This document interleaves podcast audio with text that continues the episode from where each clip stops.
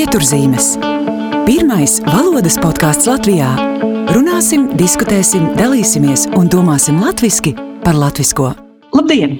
Turpinām sarunas par un ap latviešu valodu un latviešu ar iedvesmojošiem un zinošiem viesiem. Mans vārds ir Aiga Veckalna, un šodien runāšu ar podkāstu piedzīvot autori Aiju Bremšmiti. Grāmatu ieteikumi, sarunas ar grāmatmīļiem, latviešu rakstnieku intervijas un sarunas par pedagoģiju un dzīvi ar iedvesmojošiem brīnišķīgiem viesiem, par piedzīvoto un pārdzīvoto skolā un grāmatu lapusēs. Podkāsts gan skolotājiem, gan lasītājiem, gan visiem citiem interesantiem. Klausos pati un vienmēr arī iesaku citiem, un man ir prieks, ka Aija šodien ir šeit ar mani. Sveika, Aija! Sveika, Aiga! Paldies, paldies par tavu aicinājumu aprunāties podkāstā Pieturzīmes. Es ceru, ka arī klausītājiem šī saruna būs uh, noderīga. Es domāju, ka noteikti būs, un uh, paldies tev, ka piekriti sarunai. Un man jāsaka, man tā pirmais mirklis bija, bija tāds neierasts, jo es esmu tavu balsi ieradusi tā kā dzirdēt, un pašai neiesaistoties, vai ne, ka tā balss skan. Un tagad iznāk tā, ka mēs, mēs beidzot runājam. Tas ir mhm. brīnišķīgi. Un man liekas, ka tev tiešām brīnišķīgi iznāk veidot podkāstus. Tu esi lieliska klausītāja, kas ir ļoti svarīgi.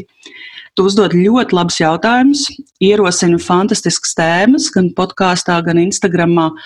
Un es uzskatu, ka tāds tik kvalitatīvs saturs katru nedēļu, turklāt ir īsta dāvana klausītājiem un brīnišķīgs papildinājums visai Latvijas podkāstu videi. Cik sen tu veido šos abus podkāstus un kā radās iecerē izstāsti? Ah, vispirms, paldies par komplimentu. Ah, jā, es, ah, to ir patīkami dzirdēt. Jo nemaz tik bieži eh, tos komplimentus negadās dzirdēt. Tu pati zini, tu kā dari un dari un dari, un pašai patīk, bet, eh, bet nu, tie komplimenti negadās bieži. Tāpēc paldies um, par, par ieceri. Es sākšu par to, kā, kā podkāsts tapa.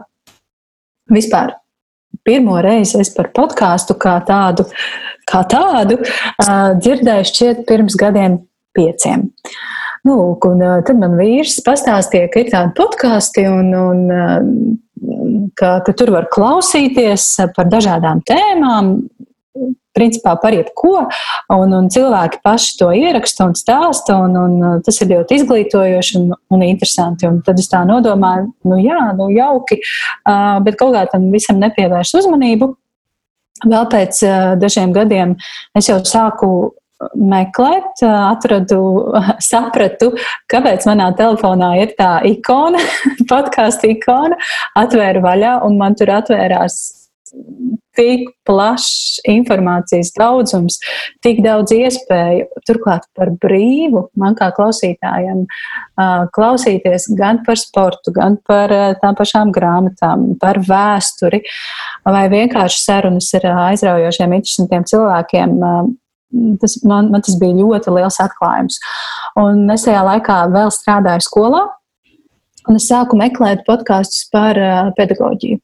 Uh, tas, protams, bija angļu valodā, jo tajā laikā vispār bija ļoti maz podkāstu latviešu. Ja kāds bija, tad es par to nemaz nezināju.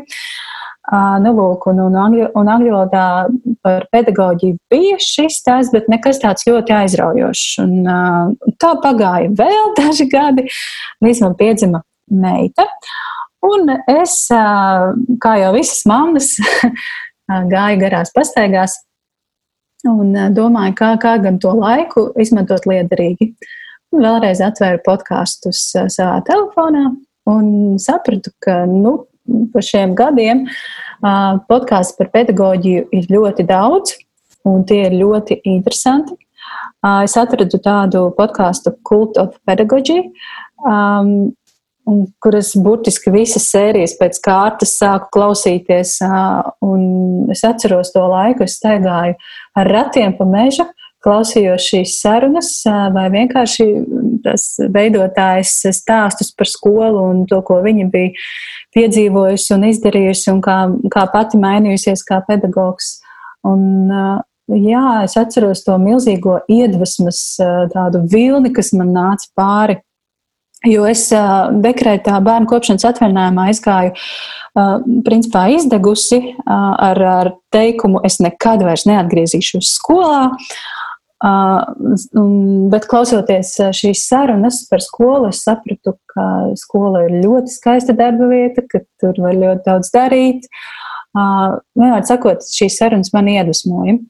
Nu, lūk, un tad bija klāta šī gada nē, pagājušā gada augusts, kad es pamazām sāku domāt, ka nu, tūlīt, tūlīt būs arī man jāatgriežas darbā, skolā.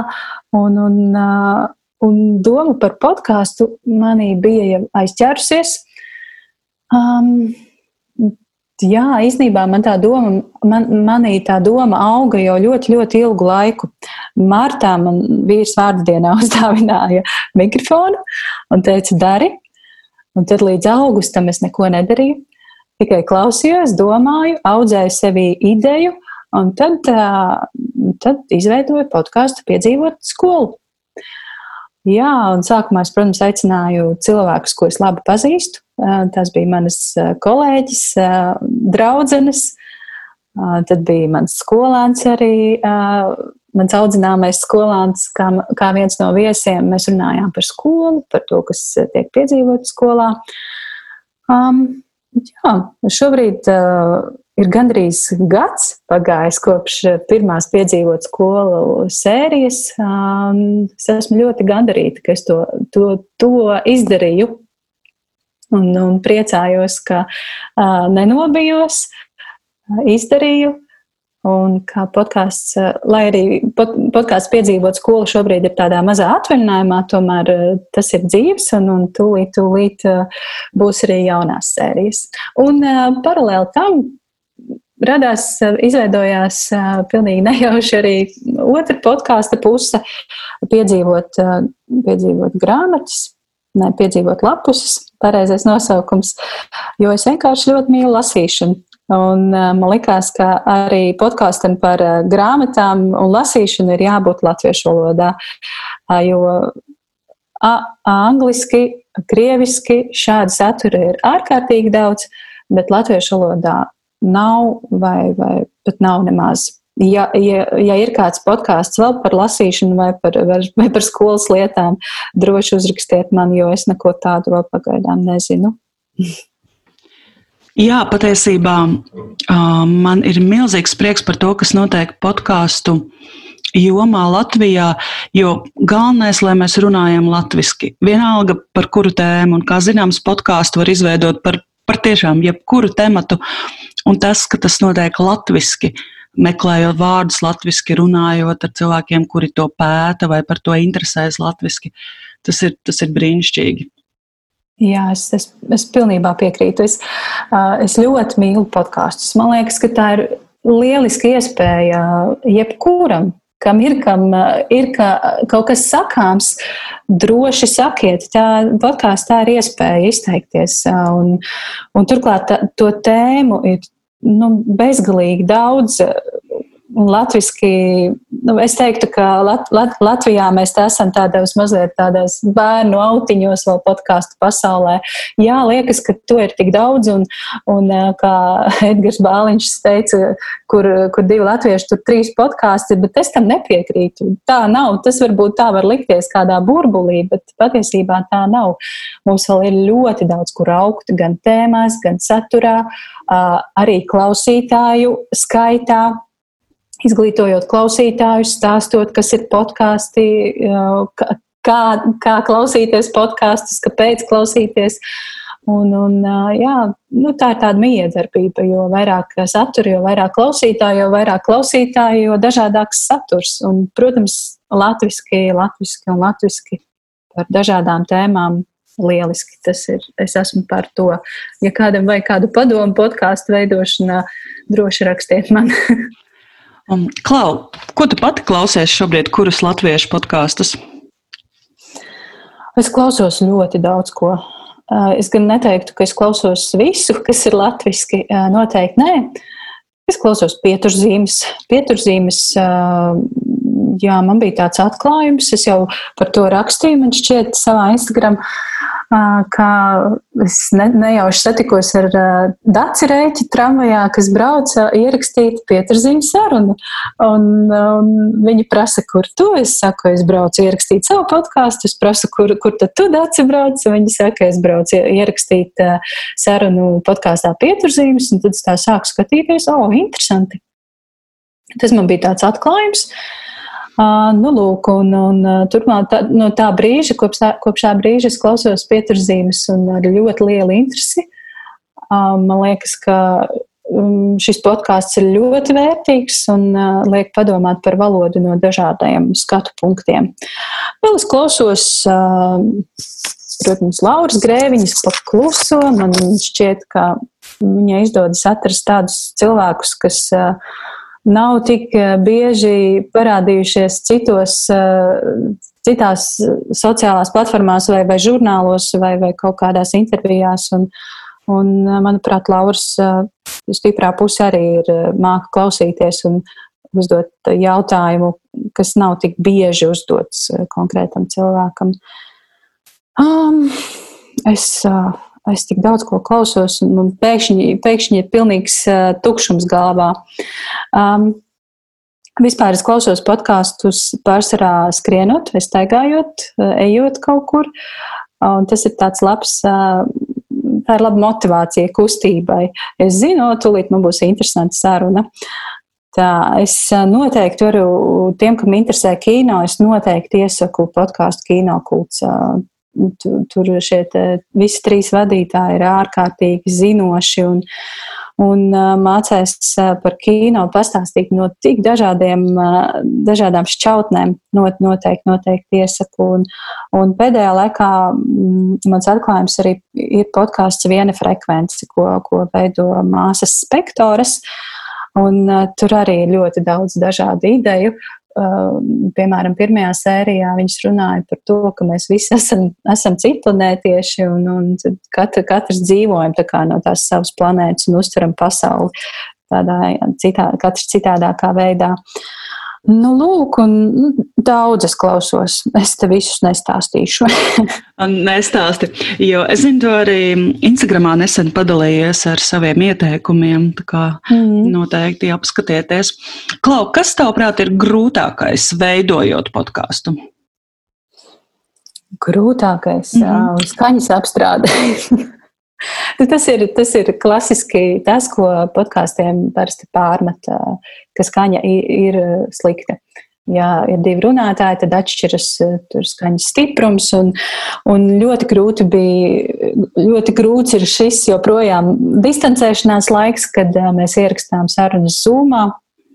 Un tad jā, šī skaņa, skaņas kvalitāte ļoti atšķiras un neizdodas varbūt dabūt to pašu, pašu labāko skaņu, kādu gribētos.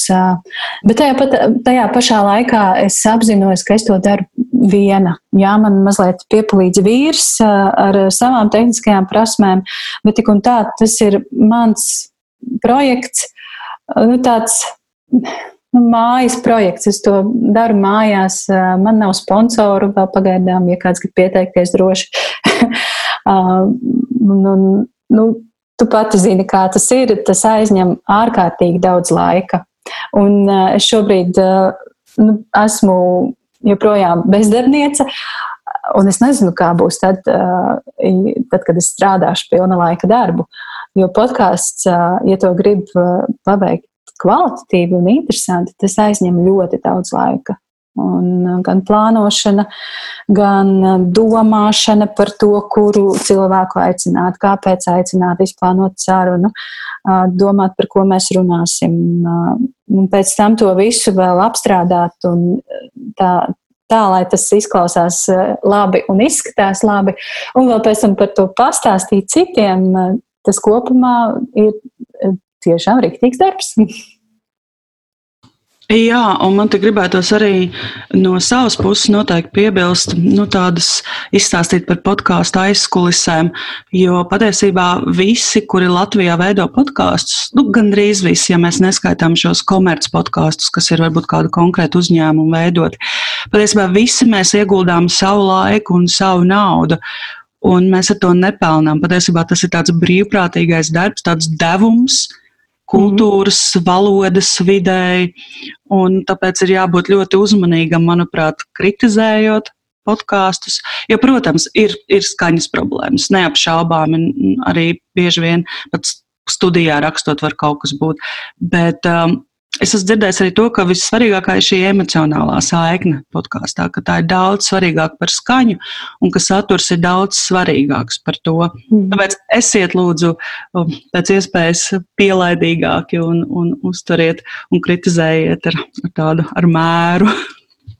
Jā, protams, jā, jāatzīst, ka man ļoti patīk to darīt. Man patīk veidot šīs sarunas, man patīk domāt, ko, ko uzaicināt un, un kāpēc uzaicināt. Un par sarunām, par, par grāmatām es vispār varētu runāt dienām un naktīm, un, un ļaujiet man tik izteikties. Un, jā, bet nu, jā, kriti, kritizēšana ir tāds diezgan sāpīgs, sāpīgs temats. Un, un es, es arī aicinu noteikti varbūt pievērt ausis skaņas nepilnībām, bet vairāk vērtēt saturu, cik vien tas ir iespējams.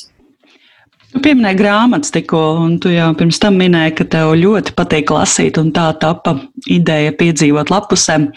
Parunājām par grāmatām, un, un mani interesē tieši ar tevi aprunāties par par to, kā lasīšana palīdz uzlabot valodas prasmes. Tas ir vispār zināms fakts, visi to bieži mm. vien stāsta. Uz jautājumu, kā uzlabot valodas prasmes, saka, lasiet, lasiet. Bet ko tad tieši tā lasīšana, kā tad tieši tā lasīšana palīdz? Kā tev šķiet, ko tā dod? Mm. Um, Pavisam nesen es izlasīju dzēnietes Ingas Pizānes teikto par lasīšanu. Man šķiet, ka tas bija Jāņa Rozes ziņas, ko var pie Jāņa, izdevuma, nē, bet grāmatnīcā Jānis Roze katru mēnesi par brīvu paņemt pie kases.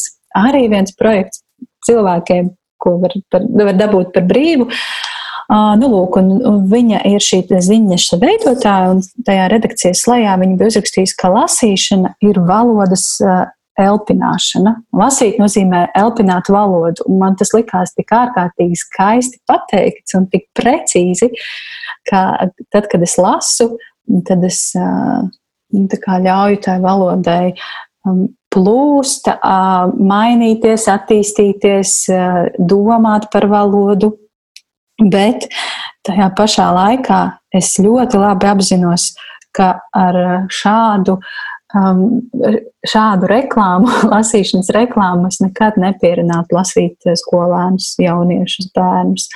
Kā pasakot, nu, ja tu lasīsi, tad eh, tev, tev uzlabosies valoda, tu pratīsi salikt komatus. Nē, tas nekādā veidā neietekmēs tos mazos lasītājus. Tāpēc es piekrītu, ka lasīšana uzlabo valodu, uzlabo valodas sajūtu, bet to tikpat labi var darīt arī rakstīšana. Es zinu šo burvīgo metodi, ko sauc šķiet morning pages vai rīta lapas, kad cilvēks tikko pamodies no rīta, var ņemt pilspalvu un blociņā vienkārši pierakstīt visu, kas nāk prātā tā arī ir, tas arī ir labs valodas treniņš. Un, uh, lasīšana nebūt, nebūs varbūt kaut kāda panacēja vai nu, tas, kas izglābs uh, mūsu valodu, var klausīties, uh, var klausīties kvalitatīvu saturu, podkāstu pieturzīmes, piemēram, un, un arī attīstīt un daudz ko uzzināt par valodu. Uh, bet lasīšana ir, es teiktu, tāds viens no pieejamākajiem veidiem, un turklāt eh, daudzveidīgākajiem, jo katram rakstniekam ir savs valodas eh, stils, veids, kā viņš izsakās. Un, piemēram, Noras Ikstenes valodu es, es abrīnoju. Kā, kas ir tas kanāls, no, kur, no kura viņai plūst šie šī valoda, šie izteicieni, šie, šie teikumi, kas ir tik krāsaini, krāšņi un, un neparasti un tik dažādi sinonīmi. Tāpat arī Leona Brieža, nu pat, ne nu pat, bet pēdējā darbā Vilciena un atraitnes, tas ir romāns. Um, tur ir arī tik skaista valoda. Un šķiet, ka eh, varētu likties, ka autors ir paņēmis sinonīmu vārnīcu un, un rakstījis vienkārši visu ziedu nosaukumus, bet tas ir tik organiski tajā visā stāstā un romānā iekšā, ka šķiet ļoti dabiski un, un, un vienkārši skaisti. Nu, lūk, es pamatīgi aizrunājos jau. Nē, nē, patiesībā tu neaizrunājies. Tu pat patiesībā atbildēji uz jautājumu, ko varbūt varētu lasīt tie, kuri, kuri grib izkopt, mm. piemēram, valodu un vārdu krājumu bagātināt. Tā kā šeit mums, lūk, no Rīgstena un, un Leons Briedis izskanēja. Jā, un, un, un, dzēja, un dzēja noteikti dzēja. Un es ļoti, es arī pieaugušiem iesaku lasīt bērnu dzēju tas ir tik skaisti, kā, kā, kā autori prot spēlēties ar vārdiem. Inese Zandera, piemēram, viņas šis te krājumiņš bērniem Līze, Analīze, kas ir mans un manas meitas divgadnieces mīļākais dzējoļu krājums, vai arī viņas arī krājums eh, bērns, kas neiekrita. Tā ir dzēja bērniem, bet es, es aicinu arī pieaugušos vai kopā ar bērniem palasīt, eh, vai, vai vienkārši tā pašķirstīt. Jo šīs vārdu spēles, tas ir ļoti skaisti un burvīgi, un tas attīsta to spēlēšanos ar vārdiem, un, un es ar savu meitu ikdienā arī sarunājos tādā, tādā interesantā veidā. Es, es mēģinu viņai mācīt, ka pasaulē ir atskaņas. es saku, iesim mājās, iesim mājās, kājās.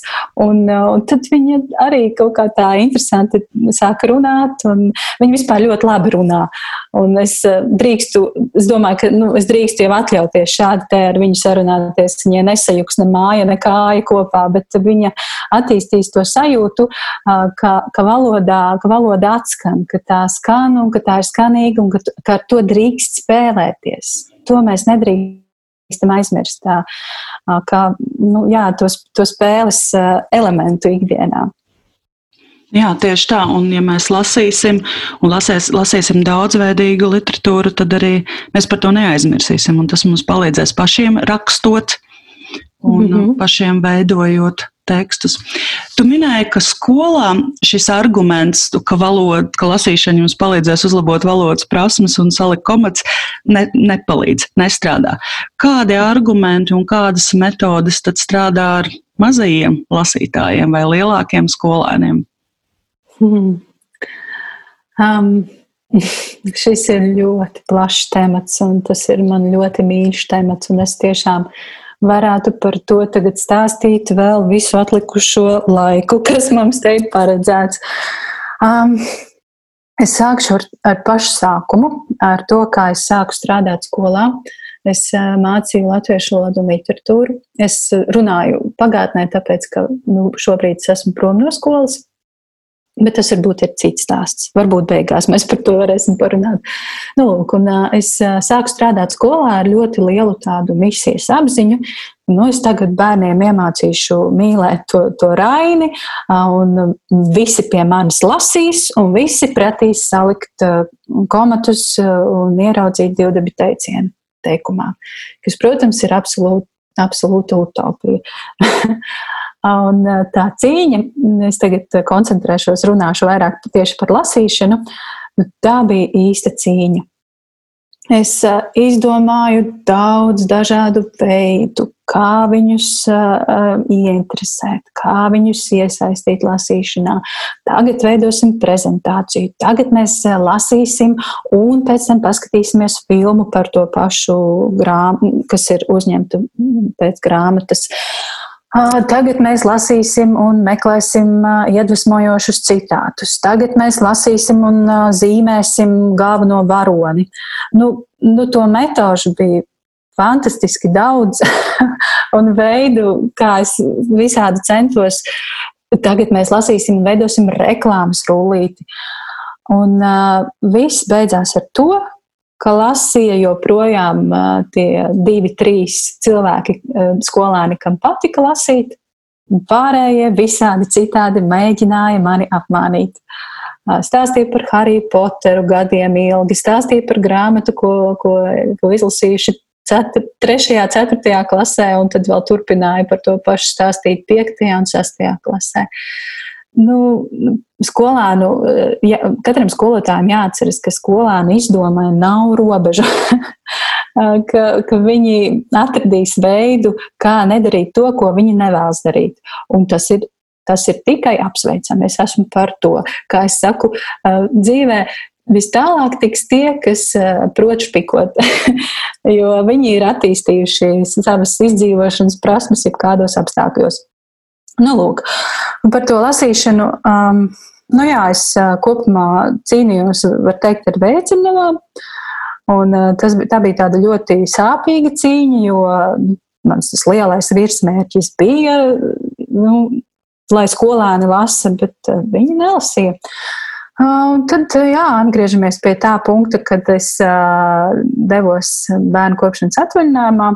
Man bija daudz, daudz vairāk brīva laika iedziļināties šajā jautājumā, un tad uh, es atradu lielisku amerikāņu autoras uh, Donalīnas Milleras uh, grāmatu The Book Whisperer, ko latviski varētu tulkot uh, grāmatu vārdotājs par ko es izlasīju ļoti daudz, daudz labu atsauksmju. To, to bija amerikāņu skolotāji par to bija izteikušies ļoti atzinīgi, un es šo grāmatu pasūtīju un dabūju un izlasīju. Un tā burtiski nu, atvēra man acis un manu prātu un to, kā es vispār uh, domāju par lasīšanu un, un lasīšanas veicināšanu skolā. Jo tā lielākā lieta, galvenā lieta numur viens ir vienkārši ļaut. Mm, nu, mērķim ir jābūt eh, tādam, ka bērns mīl lasīt. Bet to mēs varam izdarīt tikai tad, ja viņam ļauj izvēlēties, ko viņš vēlas lasīt.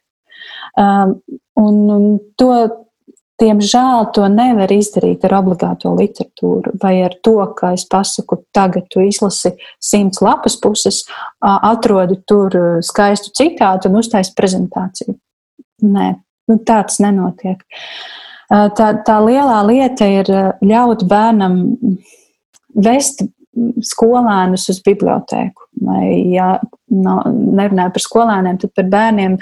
Vediet bērnus uz bibliotēku, vediet bērnus uz grāmatu veikalu un ļaujiet viņiem izvēlēties to grāmatu, kas, ko viņi paši vēlas izvēlēties un ko viņi paši vēlas lasīt. Lai tas ir kaut kas par vienradžiem. Nu, jā, man kā pieaugušiem arī nepatīk uh, tur vienradži vai, vai, vai cūciņa pepa vai nu kas, kas nu tam bērnam tajā brīdī interesē. Bet uh, tas ir jāļauj, jo nu, lasīšana pirmkārt ir bauda, tas ir prieks.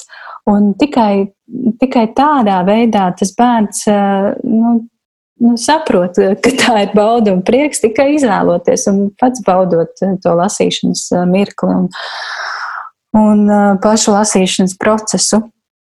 Nu, lūk, un, Šajā septembrī, šī mācību gada septembrī, es atgriežos skolā ar tādu ļoti, ļoti jau konkrētu ideju, kā es bērniem mm, mācīšu lasīt mīlestību.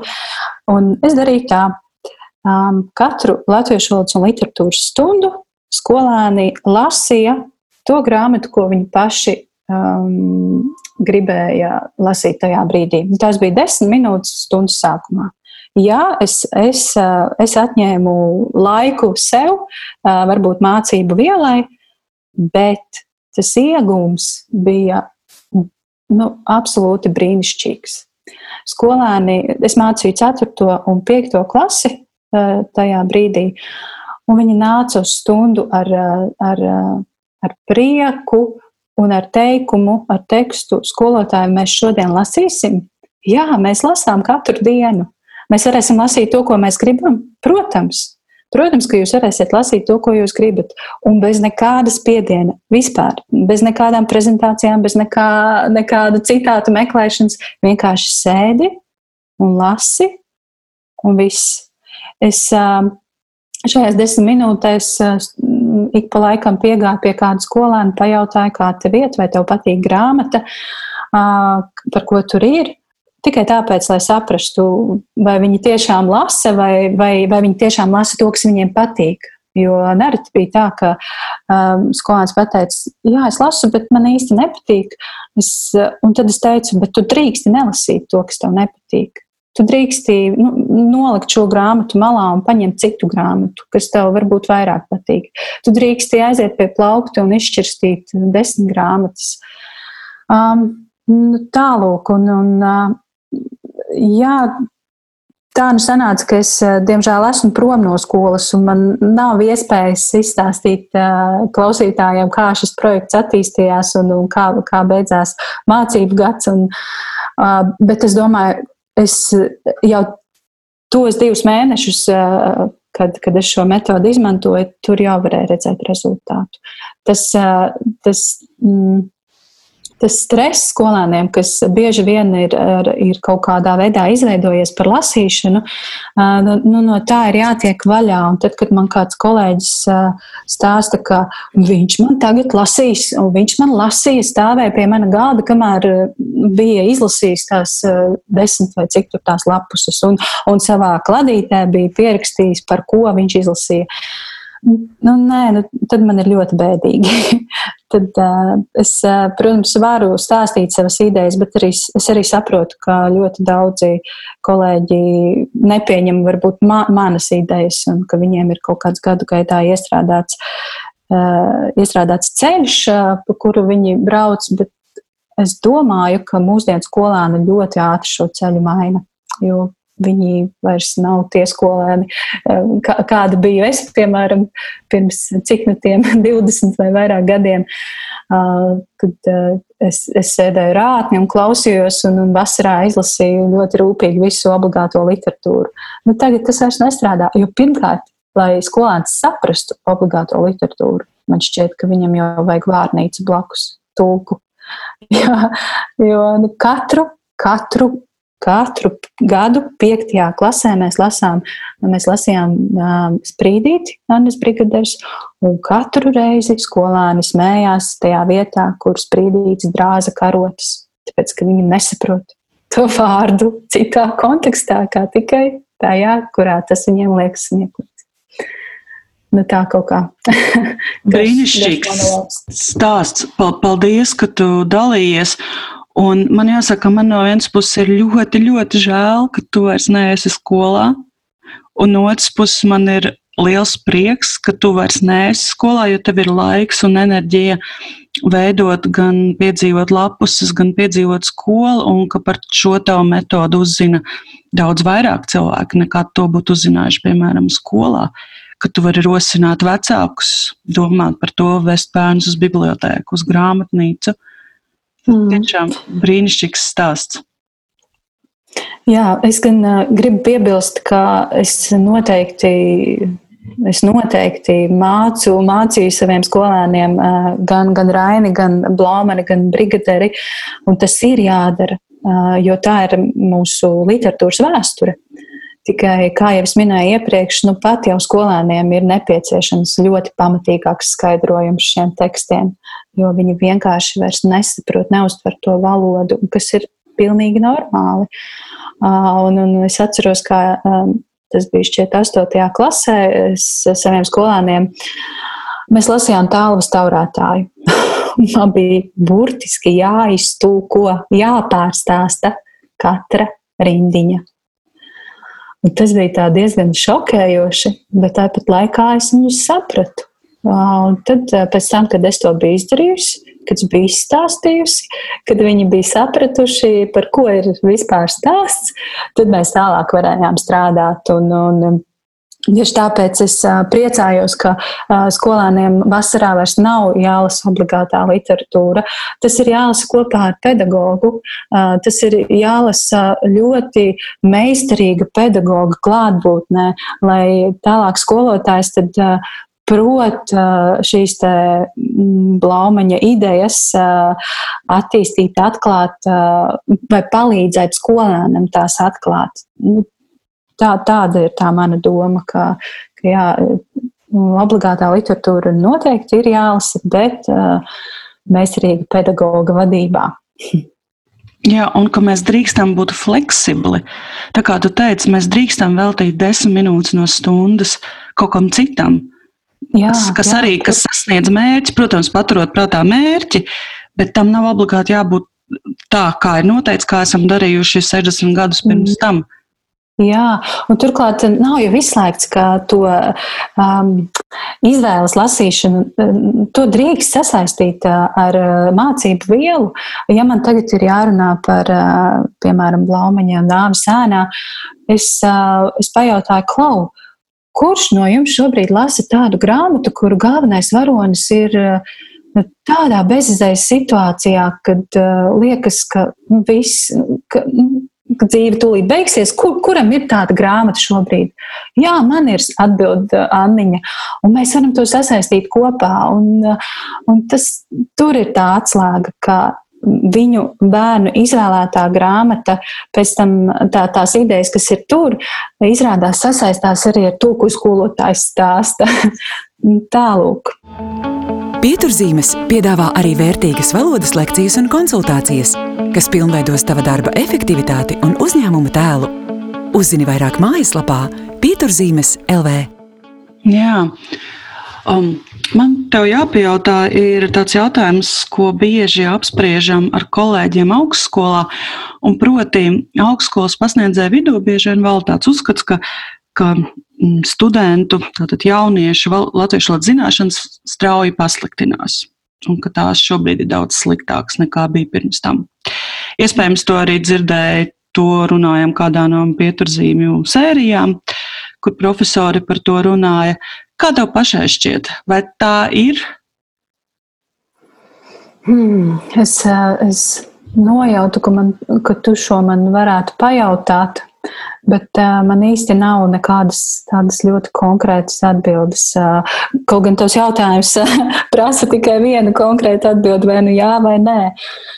Um, Zinu, kā es, es tomēr būtu, es būšu tāda mazliet diplomātiska un teikšu, ka ikvienai paudzei liekas, ka tā nu, nākamā paudze ir, ka viņi ir sliktāki, ka viņi tur ir. Uh, daudzonīgāki, citādāki, ka mūsu laikā viss bija labāk, ka zāle bija zaļāka un mēs bijām paklausīgāki. Uh, bet tas ir, tas ir absolūti vienmēr tā bijis. Uh, da, tāds uh, franču uh, skolotājs un rakstnieks Daniels Penaks Viņam ir ļoti labas divas grāmatas, ko es iesaku ikvienam skolotājam, un arī vecākam, kam interesē pedagoģija. Un, un viņam ir divas grāmatas. Viena no tām ir kā romāns, kas ir par lasīšanu. Es, dom, es ceru, ka šo grāmatu ir izlasījuši vairāk cilvēki, jo tā pirms vairākiem, pirms dažiem gadiem bija bērnu un vecāku žūrijā. Un tas ir viņam arī tā ideja par to, ka, ka lasīt mīlestību var attīstīt tikai ļaujot bērnam izvēlēties. Tas ir tajā grāmatā apspēlēts. Un otra grāmata ir skolas sāpe. Un tur viņš arī stāsta par to, ka pat 19. gadsimtā, kaut kādā 1800. kurā gadā, viens skolotājs savās atmiņās ir pierakstījis, atkal man ir šie trakie skolēni, un katru gadu viņi ir arvien trakāki un trakāki. Tā kā tas ir ga gadsimtiem, gadu gadiem tā ir bijis, ka mums tā jaunā paudze liekas sliktāka. Um, bet uh, es, es domāju, ka Mums jābūt vienkārši ļoti atvērtiem. Un es gribētu, lai, lai eh, šī eh, šķelšanās starp paudzēm, eh, nu, kad, kad tas šķēlums tiek samazināts, man gribētos tieši to, lai jaunieši māca mums, kas tad ir tā jaunā valoda, kas ir tie, tās jaunās lietas, kas mums ir jānosauc, kā mēs tās varētu nosaukt. Jo Man šķiet, ka tas bija tavā podkāstā, kur es to dzirdēju, ka tie ir jaunieši, kas lieto šos vārdus. Viņi jau zina, jau vairāk un, un runā plašāk nekā mēs, un, un viņi ir tajā pasaulē jau daudz, daudz iekšā.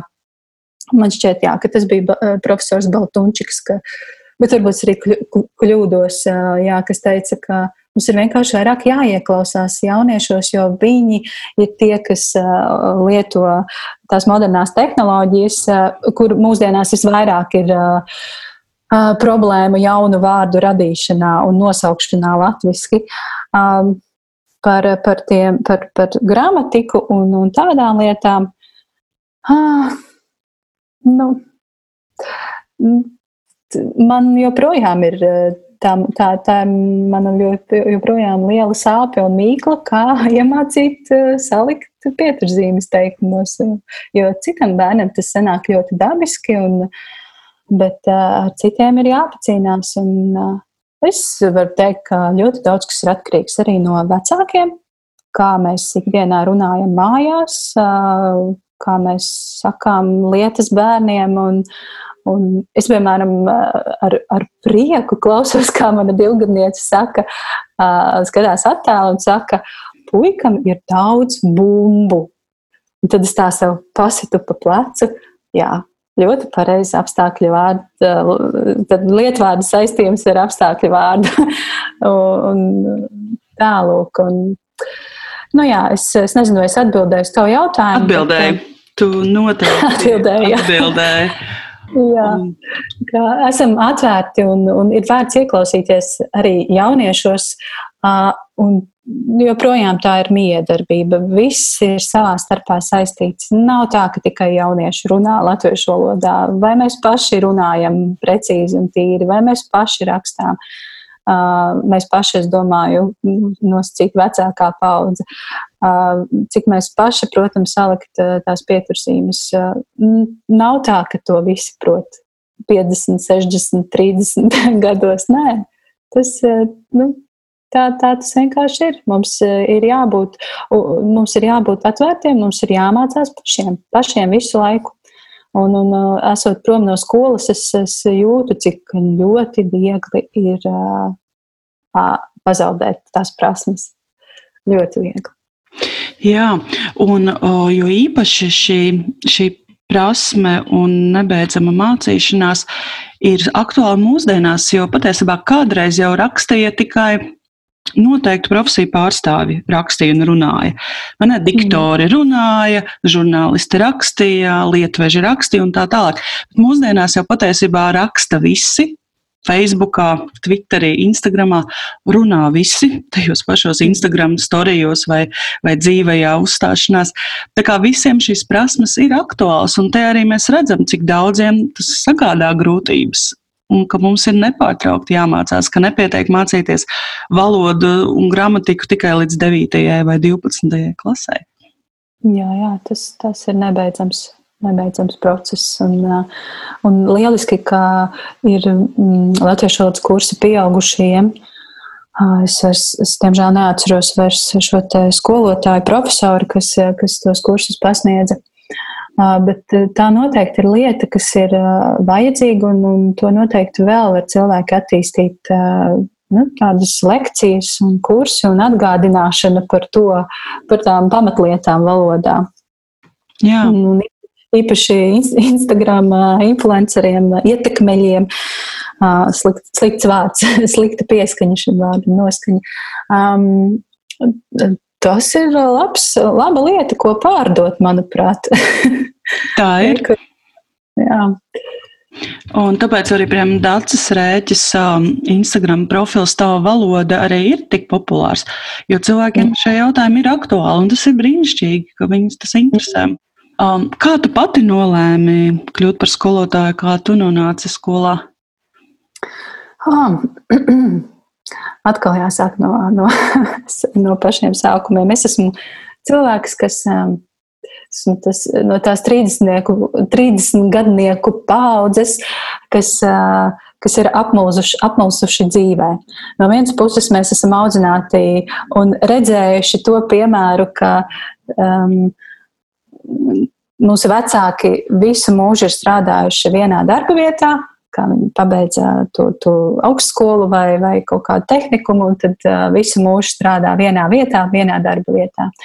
Tas ir mums no vienas puses ieaudzināts, un tāds ir tas piemērs, ko mēs esam redzējuši, un no otras puses ir šī te, šie te 2000 gadi, brīvība, neatkarība, 90. un neatkarība, un tik mežonīgi daudz iespēju.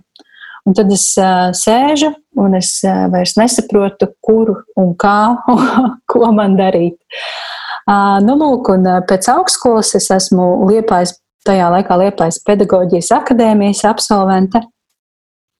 Es pabeidzu mm, Baltu filologus, ir bakalaura baltu filoloģijā. Un pēc augstskolas es teiktu, ka es to izglītību tajā, tajā brīdī nepratu novērtēt. Es izdomāju, ka man jāskrien, jāskrien lielajā dzīvē un jāskrien strādāt. Un es atradu vienkārši darbu birojā, kur es sāku kā sekretāra, tad kā lietvede, personāla lietvede. Pēc sešiem gadiem šajā biroja darbā es sapratu, ka tas darbs, ka tā vieta ir lieliska, ka kolēģi ir lieliski, bet uh, es negūstu absolūti nekādu piepildījumu, prieku, baudu, un man tas darbs likās bezjēdzīgs. Un mana mamma ir skolotāja uh, jau ļoti, ļoti daudzus gadus, un es, es izdomāju, ka man ir uh, filologa izglītība, kāpēc gan es nevarētu mācīt latviešu valodu? Kas var būt uh, jēgpilnāks kā skolotāja darbs, ko es joprojām uh, domāju, es tam piekrītu. Uh, Un, nu, lūk, un es aizgāju strādāt skolā. Un, kāpēc, es, kāpēc es to izvēlējos? Jā, kā jau minēju, manuprāt, tas ir viens, viens no jāaktilnākajiem darbiem.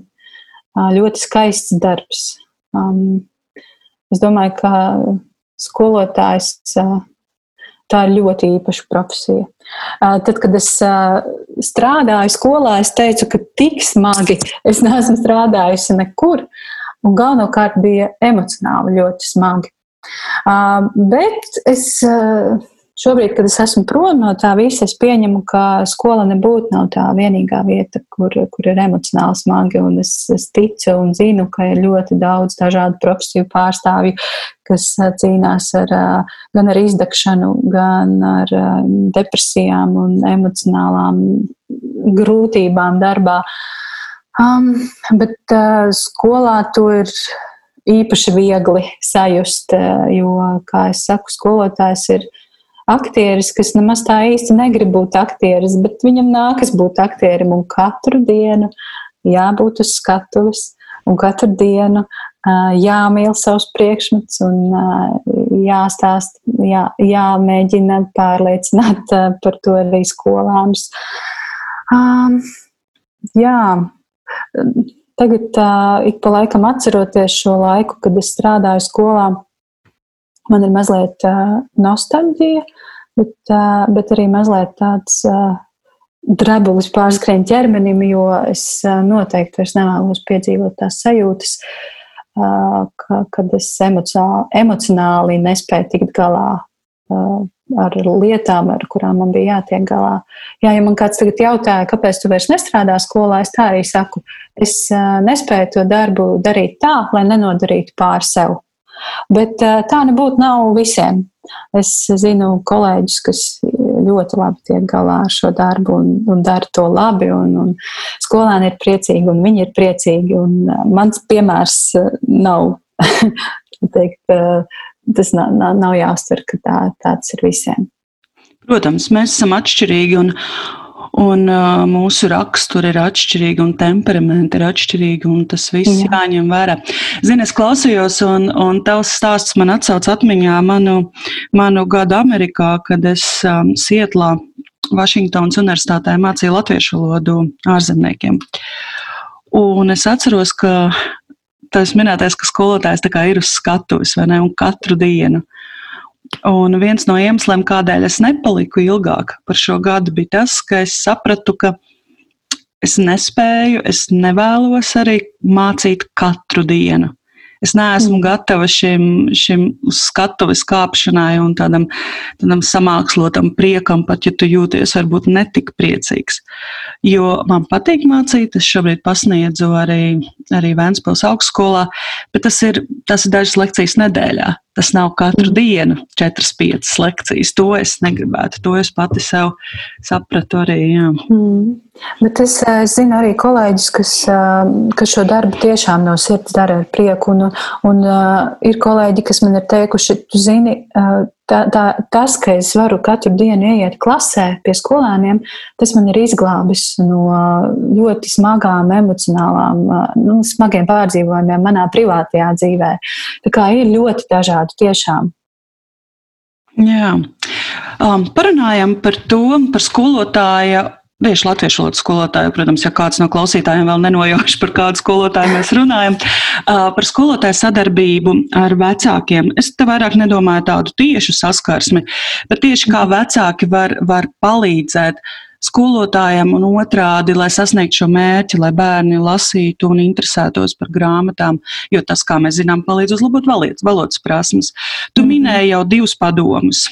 Iet kopā ar bērniem uz bibliotēku, iet uz mm -hmm. grāmatnīcām. Kas vēl, ko vēl vecāki var darīt? Jā, tas vispār likums numur viens ikvienam vecākam, kas šobrīd klausās, nekritizējiet skolotājus savu skolēnu klātbūtnē. Lai ko jūs par viņu, par pašu skolotāju domājat, lai ko jūs domājat par viņa metodēm, lūdzu, lūdzu, nekritizējiet to skolēnu klātbūtnē, jo tas ir milzīgs, milzīgs lāču pakalpojums. Tie ir pieci soļi at, atpakaļ visam, ko es kā skolotājs daru. Nu, lūk, tas ir tā, tā varbūt ārpus tēmas, runājot vispār par skolu un skolas dzīvi. Ļoti Bet, vērtīgs ieteikums. Ļoti vērtīgs.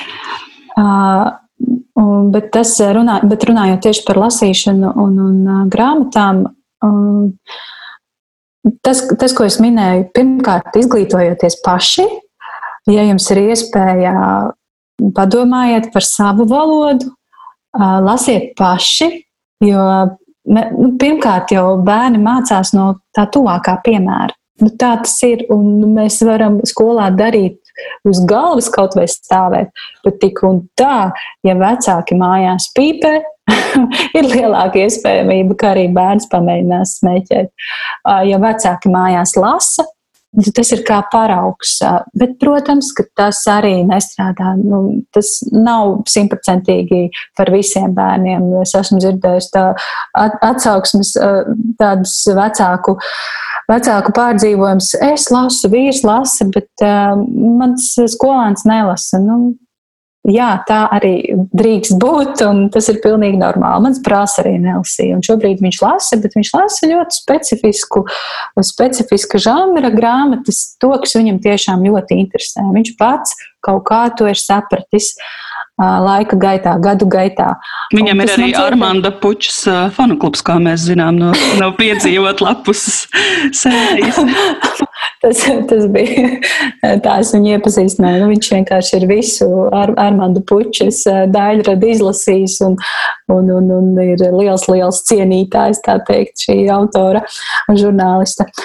Uh, nu jā, un, un vecāku galvenais uzdevums ir uh, jā, veidot to mīlestību pret, pret grāmatām.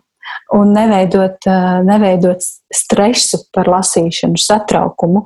Nu, tas pats tagad lasi, sēdi, lasi. Un, un, un, jā, bet, zini, es gribētu arī teikt, ka cik, ģimen, cik ģimeņu, cik vecāku, tik arī bērnu Un, un bieži vien mēs kā skolotāji nu, tur varam izstiepties vai sarauties, bet vecāks ir tas paraugs numur viens. Un, un kaut kādas lietas, kas ir ģimenē iegājušās, to skolā bieži vien ir ļoti grūti mainīt. Vēlreiz apkopojot kaut kādus padomus, ko nu es tur varu, varu sniegt, tā, tā pašiem rādīt piemēru, vest bērnus uz grāmatnīcām, bibliotekām, ļaut izvēlēties. Un galvenais - nekaunināt par šīm izvēlēm, nekomentēt. Oh, tu, tik, tu tāds tik liels puika vēl lasi Grega dienas grāmatu. Jā, tāpēc, ka viņam patīk. Un tā, tā, tā bija arī mana kļūda. Es uh, pateicu saviem sasklasniekiem savā laikā, uh, no, eh, kopš, kopš jūs tagad mācāties, eh, jūs mācāties sastajā klasē, nu jau jūs esat lieli, grega dienas grāmatas jūs vairs nelasīsiet. Nu, nu kas tas tāds bija skolotājā? Nu, nē, nu tā nedrīkst. nu, tas nu, viss es tajā brīdī principā nokauju to lasīt, vēlēšanos lasīt. Nu, tad es, es, es tur vairs neko nevaru tajā zemē iesēt. Tā. Un tā arī rodas tā vainas apziņa, vai ne arī pieaugušā Jā. vecumā, ka mēs izvēlamies grāmatu un tad nevienam nestāstam, ka, mē, ka mēs to lasām, jo šķiet, nu, kā es tā, savā vecumā kaut ko tādu lasīšu, vai jā, tēmu, jā. tā tālāk, kā jūs apspriedāt vienā no, no sērijām.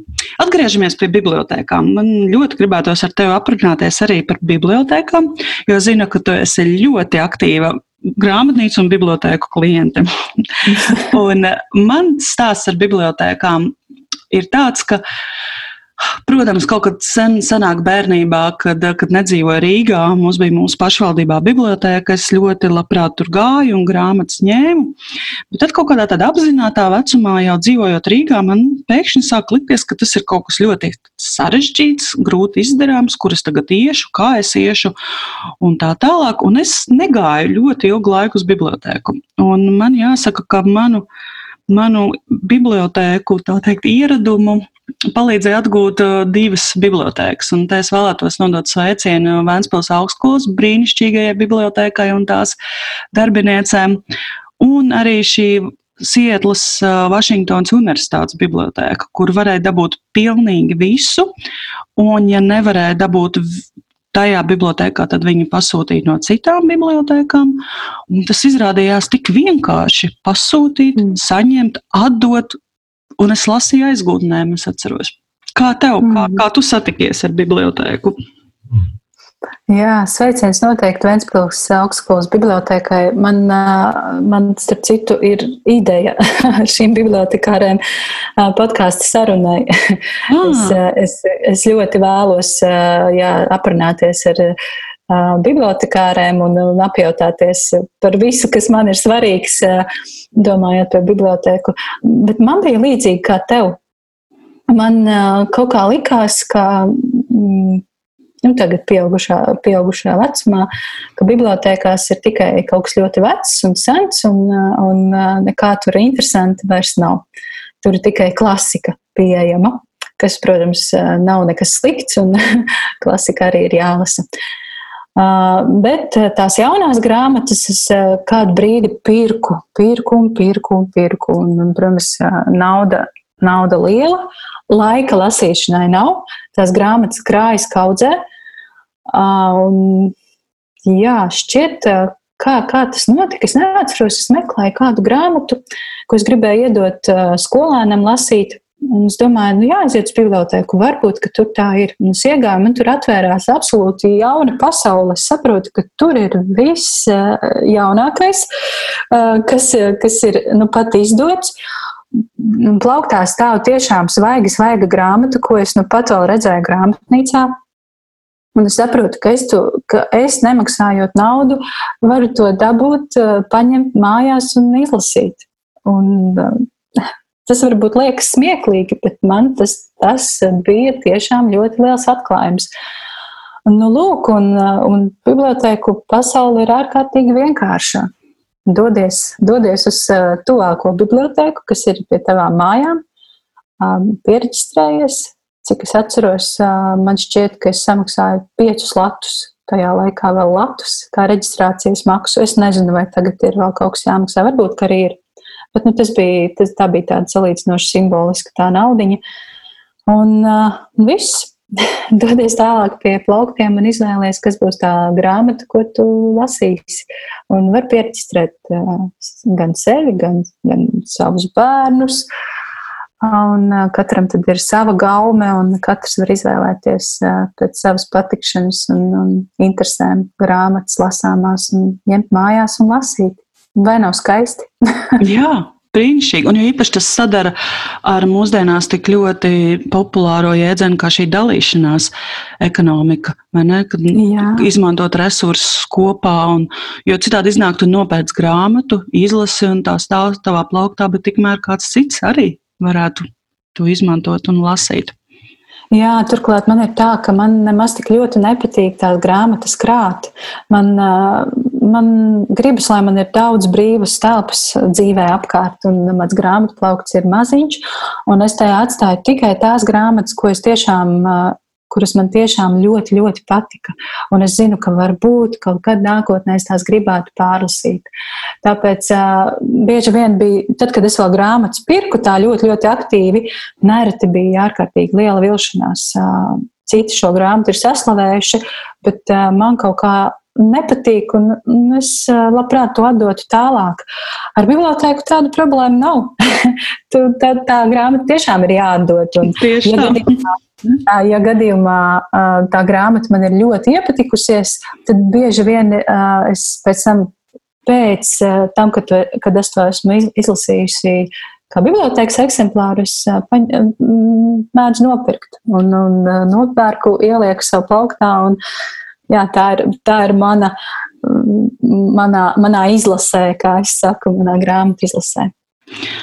Par grāmatām runājot, es skatos tavā Instagramā un ar abrīnu domāju, kā tu pagūsti tik daudz grāmatu izlasīt. Izstāsti savu noslēpumu. Aizgāju prom no darba. Nē, nu, man ir ļoti daudz brīva laika šobrīd. Nu, tā būšu atklāta. Un, Jā, bet tas jau ne, nevienmēr brīvs laiks nozīmē, ka uzreiz automātiski cilvēks lasa. Tur tāpatās ir jābūt jā. vēlmei. Jā, vēlmei, jā, lasīšana šobrīd ir mana prioritāte. Uh, un es, uh, tas ir interesants jautājums, kāpēc tas tā ir. Un tur, protams, var domāt jau dziļāk psiholoģiski, un kā es vienā no podkāstu piedzīvot lapus sarunām stāstīju, ka varbūt ka tā man šobrīd ir tā, tāds sava veida aizbēgšanas ceļš, veids, kā es aizbēgu no ikdienas, kur, kur man ir jādomā, kā es pelnīšu naudu, kā es dabūšu darbu. Un, un tad tā grāmatu pasaule ir tāds lielisks bēgšanas veids. Bet tajā pašā laikā es ļoti, ļoti izbaudu katru grāmatu, ko es lasu. Man tas ir kā tāds liels piedzīvojums un Hmm. Kā, kā es lasīju vienā labā grāmatā par lasīšanu, ka ik viena grāmata, ko mēs lasām, tas ir, tas ir veids, kā mēs kļūstam, topam par labākiem cilvēkiem. Un tā, tā ir katras grāmatas pievienotā vērtība. Ja pēc tās izlasīšanas kaut kas ir sakustējies lasītājā, tad, tad tas viss kārtībā. Tā tam jābūt. Tas ir tas lielais mērķis lasīšanas, tapt par labāku cilvēku. Nu, lūk, un kā es atrodu laiku, nu, kā jau teicu, tā ir mana prioritāte. Un, uh, es gribu lasīt, un tā kā es veidoju podkāstu par lasīšanu, tad es uh, vēlos lasīt pēc iespējas vairāk, un, un tas paplašina to manu redzesloku. Un, ja es vēlos las, runāt par grāmatām, tad es gribētu, lai es esmu uh, zinoša par to runāt, lai es būtu izlasījusi daudz. Protams, visu nekad nevar izlasīt, noklausīties un noskatīties. Nekad nevar.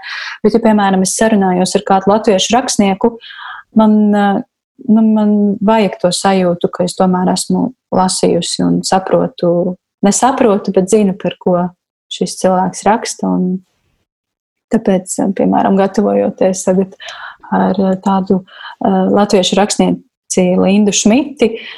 Šai sarunai ar Lindu Šmiti es lasu viņas darbus, un, un nu, tā vienkārši ir mana prioritāte. Jā. Klā, noslēgumā pastāst, kādi ir nākotnes plāni tev podkāstam piedzīvot lapus un piedzīvot skolu. Kas tev ir padomā? Ah, man ir liels, liels sapnis. Um, jā, mans lielais sapnis ir izveidot uh, skaistu vietu. Es nezinu, kur šī vieta būs, kurā pilsētā, vai, vai manā pilsētā, vai varbūt kādā citā lielākā pilsētā. Bet es gribētu izveidot vietu, kur, uh, kur būtu iespējams uh, gan grāmatas nopirkt, gan tās palasīt, kur būtu iespēja nākt vecākiem ar bērniem, lasīt un domāt par lasīšanu kur būtu iespēja stāstīt par lasīšanu, par to, kā to padarīt pieejamāku. Es sev Instagramā esmu nosaukusi par pašpasludinātu lasīšanas vēstnesi. Nu, tas mans lielais sapnis ir ar, tiešām par tādu kļūt, izveidot tādu vietu. veikaliņu, centriņu, istabu, kur es varētu šo lasīšanas vēsti tad, izplatīt tālāk.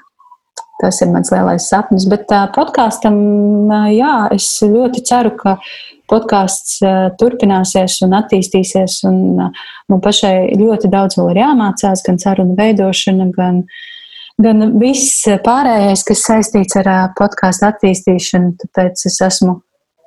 Tad šobrīd man ir ļoti uh, daudz interesantu un labu sajūtu tieši domājot par podkāstu un par tā attīstīšanu.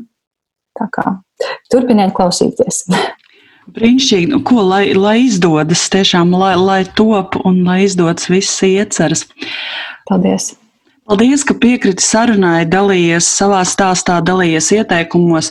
Varbūt ir vēl kaut kas, ko es nepajautāju, bet ko tu noteikti gribētu piebilst, papildināt, ieteikt.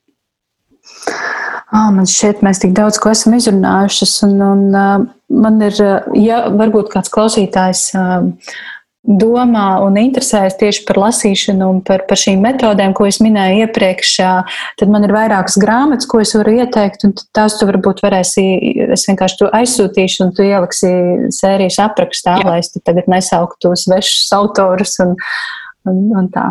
Jā, visu ieliksim aprakstā. Paldies! Šodien runājām ar podkāstu piedzīvot lapuses un piedzīvot skolu autoru Aju Bremšmiti. Uzzinājām, piedzīvot aizkulises, kā satikties ar grāmatām, kā lasīšana uzlabo valodas prasmes, kāpēc jāiet uz bibliotēku un citas noderīgas lietas. Raidījuma piezīmēs atradīs īsu pārskatu par šodienas sarunu, kā arī noderīgu informāciju un saites. Paldies, ka klausījies un uz tikšanos nākamajās pieturzīmēs. Papildu informāciju par pieturzīmēm, valodu lekcijām un nākamajiem raidījumiem meklē mūsu Facebook lapā Pieturzīmes. Priecāsimies, ja tu dalīsies ar šo raidījumu, novērtēsi mūsu Apple podkāstu podkast platformā, rakstīs komentārus, ieteikumus, jautājumus. Uz tikšanos nākamajos raidījumos. Pieturzīmes cilvēkos, grāmatās un valodā. Kādas ir tavas Latvijas pieturzīmes?